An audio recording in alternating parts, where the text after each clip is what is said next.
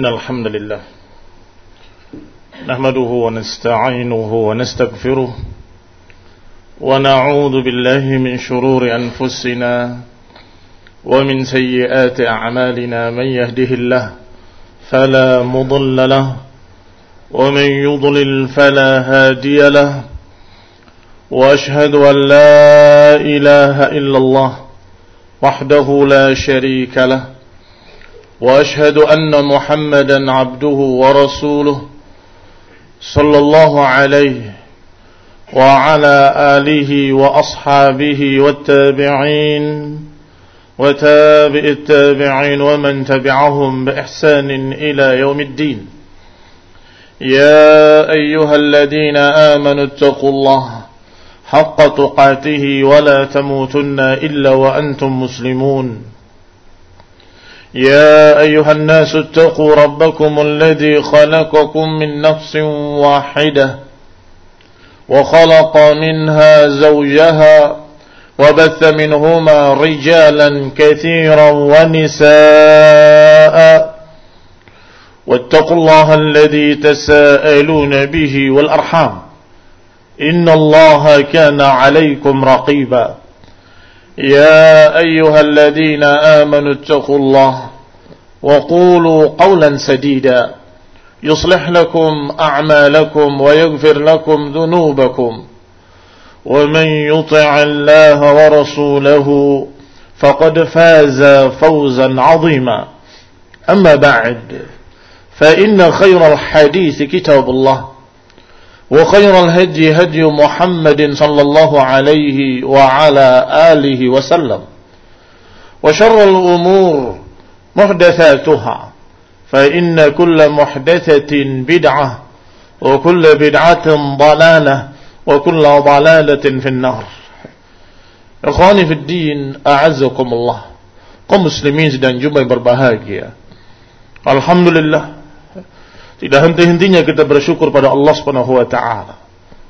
Karena kenikmatan-kenikmatan yang Allah berikan kepada kita yang sangat banyak dan sungguh-sungguh banyak. Wa in ta'uddu ni'matallahi la tuhsuha. Kalau kalian berupaya untuk menghitungnya, enggak akan sanggup kita untuk menghitungnya. Kau muslimin sedang jumpa yang berbahagia. Setiap anggota tubuh kita memiliki kenikmatan yang tak terhingga banyaknya. Bahkan ketika seseorang kehilangan seluruh hartanya, dia sedih. Ditanya oleh seseorang, bagaimana kalau yang hilang adalah pandangan matamu? Maka dia berkata, demi Allah, lebih baik hilang seluruh harta daripada hilang pandangan matamu. Artinya barakallahu fikum mata yang selalu kita pakai tiap harinya merupakan nikmah azimah. Belum lagi yang lain dari semua pancara indera kita. Belum lagi semua yang Allah berikan dari taufik dan kemudahan bagi kita untuk beramal ibadah. Untuk beramal saleh. Untuk berbuat dengan berbagai macam amal-amal kebaikan. Yang kata Ibn Qayyim rahimahullah. Kalau kalian sudah mensyukuri seluruhnya. Kalian pun harus mensyukuri taufik yang Allah berikan kepada kalian. Karena kalian bisa bersyukur. Wahalumma jarha. Dan terus demikian. Ketika kita bersyukur kepada Allah karena kita mendapatkan taufik bisa mensyukuri nikmatnya itu pun karena taufik dari Allah Subhanahu wa taala yang harus kita syukuri pula. Maka kaum muslimin yang saya hormati. Tidak henti-hentinya kita katakan Bersyukurullah taala ala ni'amihi al-katsirah. Kita bersyukur pada Allah Subhanahu wa taala atas kenikmatan-kenikmatan yang sangat banyaknya. Dan termasuk kenikmatan adalah ketika kita dikenalkan oleh Allah Subhanahu wa taala dengan agama ini. Dengan diutusnya Rasulullah SAW. Dengan diturunkannya kitab Al-Quran. Dengan dilanjutkannya perjuangan beliau oleh para sahabatnya. Dilanjutkan oleh para tabi'in dan tabi'it tabi'in. Dan terus dijaga oleh Allah Subhanahu wa ta'ala. Maka Allah Subhanahu wa ta'ala menyatakan inna nahnu nazzalna dzikra wa inna lahu. Kami yang menurunkan zikra ini dan kami yang akan menjaganya kata Allah. Kenikmatannya dari Allah dan yang menjaganya juga Allah. Risalah ad-din ajaran agama, ajaran bimbingan syariat Allah Subhanahu wa taala yang sempurna, yang semuanya untuk kebaikan kita di dunia dan di akhirat. Allah yang menurunkannya dan kemudian Allah yang menjaganya. Maka ini kenikmatan di atas kenikmatan. Ikhwani fiddin, a'azakumullah. Kaum muslimin sedang jumlah yang berbahagia. Allah Subhanahu wa taala menyatakan al-yauma akmaltu lakum dinakum wa atmamtu alaikum ni'mati wa raditu lakumul Islam dina. Hari ini telah aku sempurnakan bagi kalian agama kalian dan aku sempurnakan nikmatku atas kalian. Kaum muslimin yang saya hormati. Dalam ayat ini menunjukkan bahwa agama ini bukan beban. Agama ini nikmat azimah yang harus kita syukuri.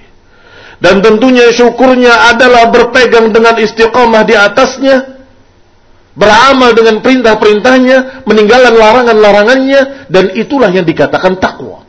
Yang selalu diucapkan oleh khatib-khatib di mimbar-mimbar, ittaqullah haqqa tuqatih, ittaqullah haqqa tuqatih. Wala tamutunna illa wa antum muslimun. Jangan sampai kalian mati kecuali dalam keadaan muslimin, dalam keadaan di atas ketakwaan, dalam keadaan di atas istislam, berserah diri pada Allah, tunduk pada Allah, dalam keadaan dia taat kepada Allah Subhanahu wa taala. Berarti di dalamnya terkandung dua perintah. Perintah pertama takwallah dan perintah kedua untuk terus-menerus istiqamah di atasnya. Wala tamutunna illa wa antum muslimun. Jangan sampai kalian mati kecuali dalam keadaan muslimin. Khonibina azakumullah kaum muslimin yang saya hormati. Yang namanya dunia darul ibtila. Akan datang ujian demi ujian. Maka hendaklah kita istiqamah di atas ketakwaan kepada Allah Subhanahu wa taala apa pun yang kita hadapi. Apa pun yang kita dapatkan dari berbagai macam qada wal qadar, dari berbagai macam takdir-takdir baik dan buruk yang Allah sudah tentukan, yang Allah sudah takdirkan, maka hendaklah kita tetap di atas taqwa Allah. Tetap di atas ibadah kepada Allah. Tetap di atas amal saleh, tetap di atas ta'allumul ilm, tetap di atas belajar, mengajar, berdakwah, bergelut dengan ilmu, tidak berubah tidak bergeser, tidak mundur. Kadang-kadang seseorang diuji dengan sekian banyak kebaikan. Berlimpah kepadanya sekian banyak harta dunia. Itu ujian. Sebaliknya yang lain, Allah takdirkan dia bangkrut, fakir. Itu ujian. Demikianlah Allah Subhanahu wa taala menguji manusia dengan kebaikan, dengan keburukan.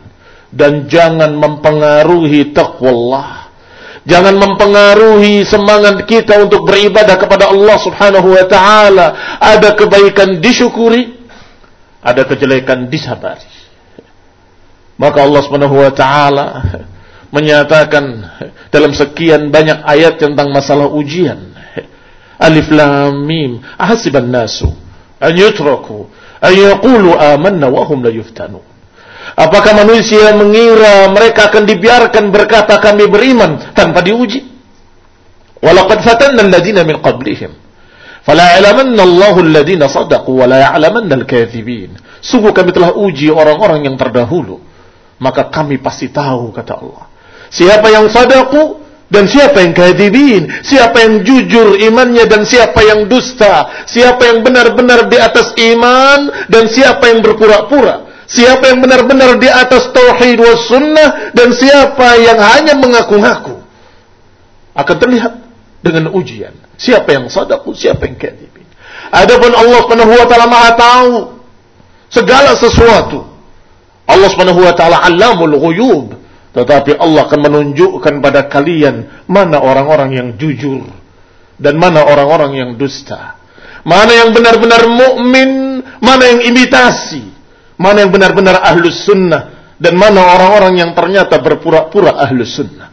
Semua itu akan terlihat dengan ujian demi ujian. Dan tentunya yang namanya ujian akan datang semakin berat semakin berat. Dan yang paling berat adalah yang menimpa Rasulullah sallallahu alaihi wasallam dan para anbiya. Asyaddul bala al-anbiya. Thumma al-amthal, thumma al-amthal. Yang paling berat ujian adalah kepada para nabi, kemudian yang semiripnya, kemudian yang semiripnya. Artinya bertambah tinggi keimanan kita, bertambah berat ujian. Dan itu sudah sunnatullah. Itu sudah sunnatullah. Tetapi hendaklah kita ingat bahwa idamul jaza bi'idamil bala. Tetapi idamil jaza besarnya pahala seimbang berbanding lurus dengan besarnya beratnya beban ujian yang menimpanya. Semakin berat semakin tinggi pahalanya. Semakin dia mendapatkan bala yang lebih berat, maka semakin besar pahalanya. Maka sabarilah. Fasbir li hukmi rabbik. Sabarlah terhadap hukum Rabbmu kata Allah. Sabarlah dengan semua apa yang telah Allah tentukan. Istiqamalah di atasnya dan jangan kalian terpengaruh dengan ucapan-ucapan manusia. Fasbir ala ma. Sabarlah atas apa yang mereka ucapkan. Kadang mereka menuduh, kadang mereka mencerca, kadang mereka merendahkan dan menjatuhkan, bahkan mengkambing hitamkan ahli sunnah. Itu ujian. Fasbir ala ma yaqulun. Wahjuruhum hajran jamila. Sabarlah atas apa yang mereka ucapkan dan tinggalkanlah dengan baik. Ikhwan azakumullah muslim yang hormati. Ini dalam rangka istiqamah berarti kita memerlukan kesabaran ekstra. Dalam rangka istiqamah kita harus sabar menghadapi berbagai macam bentuk-bentuk ujian. Apakah ujian dalam bentuk kekurangan-kekurangan ataupun dalam bentuk cercaan, celaan dan tuduhan dan termasuk juga ujian fisik. Mungkin kita belum mengalami Masya Allah. Tetapi hati-hati. Siap-siaplah. Itu tidak mustahil. Itu tidak mustahil akan menimpa ahlu sunnah. Sebagai ujian pada mereka. Apakah mereka dicambuk atau mereka dipukul atau disiksa. Atau atau naudzubillah semoga kita tidak mendapatkan ujian-ujian berat yang kita tidak sanggup memikulnya. La tuhammilna ma la taqata lana bih. Ya Allah jangan bebankan kepada kami apa yang kami tidak sanggup untuk memikulnya. Tetapi ketika itu datang hendaklah kita ingat bahwa berarti ujian kita semakin berat Mudah-mudahan itu tanda-tanda keimanan kita semakin tinggi. Maka sabarlah. Ya. Istiqomahlah. Untuk menghadapi perkara-perkara yang paling pahit sekalipun. muslimin hormati. Adapun ujian-ujian dari bisikan-bisikan dan wasawis syaitan minal jinnati wan nas maka itu selalu setiap saat kita dapatkan Bisikan-bisikan dari belakang, bisikan dari kiri dan bisikan dari kanan yang semuanya memperhambat perjalanan di atas suratul mustaqim. Yang semuanya membuat kita enggan untuk istiqamah di atas sunnah. Yang semuanya merupakan fitnah-fitnah, syubuhat yang menginginkan kita berhenti dan meninggalkan tauhid was sunnah. Na'udzubillahi min dzalik. Maka usikum bitaqwallah. Usikum bitaqwallah. Aku wasiatkan kepada hadirin sekalian untuk kita sama-sama bertakwa pada Allah dan juga untuk istiqamah di atas ketakwaan. Allah Ta'ala ayahdiyana wa aydil muslimina jami'an ila sawa'is sabil wa yuwaffiqana ala al-istiqamah ala tauhid wa sunnah. Amin wa sallallahu ala Muhammadin wa ala alihi وأصحابه وسلم تسليما كثيرا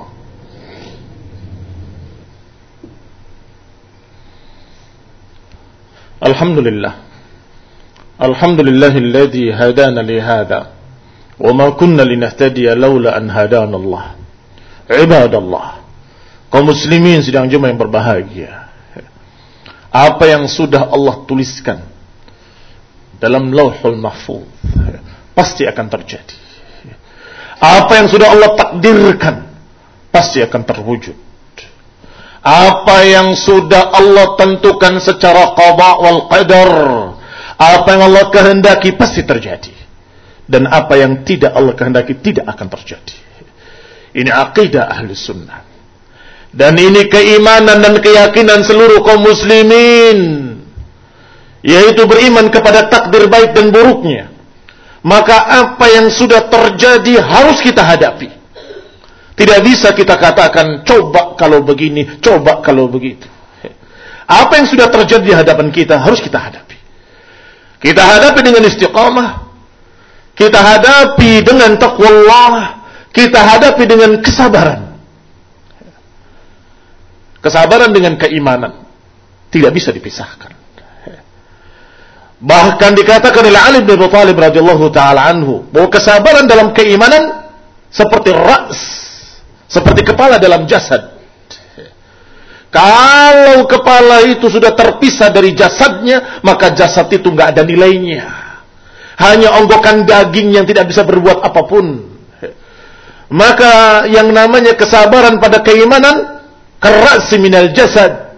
Setelah itu beliau mengucapkan dengan suara yang keras, "Ala la imana liman la sabra lahu." Ketahuilah bahwa enggak ada keimanan bagi mereka yang tidak punya kesabaran. Tidak bisa dipisahkan antara keimanan dengan kesabaran. Seorang yang beriman pada Allah Subhanahu wa taala harus memiliki kesabaran. Harus dia memiliki kesabaran untuk menghadapi berbagai macam ujian. Jangan berharap yang muluk-muluk di dunia. Jangan mengharap perkara-perkara yang kenikmatan yang sempurna di dunia. Jangan. Pasti akan kecewa. Pasti akan kecewa. Karena dunia darul ibtila. Dunia itu tempatnya ujian. Tempat seseorang diuji oleh Allah subhanahu wa ta'ala. Diuji keimanannya, diuji ketakwaannya, diuji istiqamahnya. Khonifuddin a'azakumullah kaum muslimin yang saya hormati. Maka harapkanlah jannah. Harapkanlah kebahagiaan yang hakiki. Kebahagiaan yang tidak ada kekurangan sedikit pun di sisinya. Kebahagiaan yang sempurna yaitu di dalam jannah yang Allah persiapkan bagi mukminin. Sari'u ila maghfiratin min rabbikum wa jannatin 'arduha as-samawati wal ardh Berlomba-lombalah kalian bersegeralah ke dalam jannah yang luasnya seluas langit dan bumi yang sudah dipersiapkan oleh Allah untuk orang-orang yang bertakwa, untuk orang-orang yang beriman. Kaum muslimin yang saya hormati, silakan lihat kenikmatan dunia. Selalu diiringi di sebelahnya dengan sesuatu yang sebaliknya. Kita memiliki harta, kita merasa nikmat dari satu sisi, tapi kita mendapatkan pekerjaan di sisi lain pekerjaan untuk menjaganya, untuk memeliharanya. Sebagian pikiran kita habis untuk memikirkan dunia kita yang Allah berikan pada kita. Tetapi kenikmatan akhirat sempurna. Tidak diiringi di sisinya satu keberatan, kesusahan. Tidak demikian. Maka dengan itu, apa yang Allah berikan dari dunia kepada kita, kita syukuri kekurangannya kita sabari dan kita harapkan kenikmatan yang sempurna dalam jannah. Kita berharap agar Allah Subhanahu wa taala memaafkan kesalahan-kesalahan kita dan menerima amal-amal saleh kita, kemudian kita bertemu Allah dengan selamat, maka itu tujuan kita seluruhnya. Itulah harapan-harapan seluruh kaum muslimin agar bertemu Allah dalam keadaan muslimin, agar tidak mati kecuali dalam keadaan istiqamah, dalam keadaan Islam, dalam keadaan taqwa, wala tamutunna illa wa antum muslimun maka kita akan mendapatkan keridhaan Allah Subhanahu wa taala dan mendapatkan jannahnya, mendapatkan kenikmatan yang tidak ada kekurangan sedikit pun. Khana bin a'azakumullah. Nasallahu taala ayahdiyana wa yahdil muslimina jami'an ila sawa'is sabil. Wa nasallahu taala lana wa lahum al-hidayah wa rahmah. Wa nasallahu taala ayahdiyana wa yahdiyahum ila at-tauhid was sunnah. Wa taala an yuwaffiqana للاستقامة على التوحيد والسنة ونسأل الله تعالى أن يثبت قلوبنا ala hadzal din. Kita berharap pada Allah Subhanahu wa taala agar memantapkan kita di atas agama ini, di atas tauhid was sunnah, di atas siratal mustaqim. Amin wa sallallahu Muhammadin wa ala alihi wa ashabihi wa sallama tasliman katsira. Subhanakallahumma bihamdik. Asyhadu an la ilaha illa anta astaghfiruka wa atubu ilaik wa aqimis salat.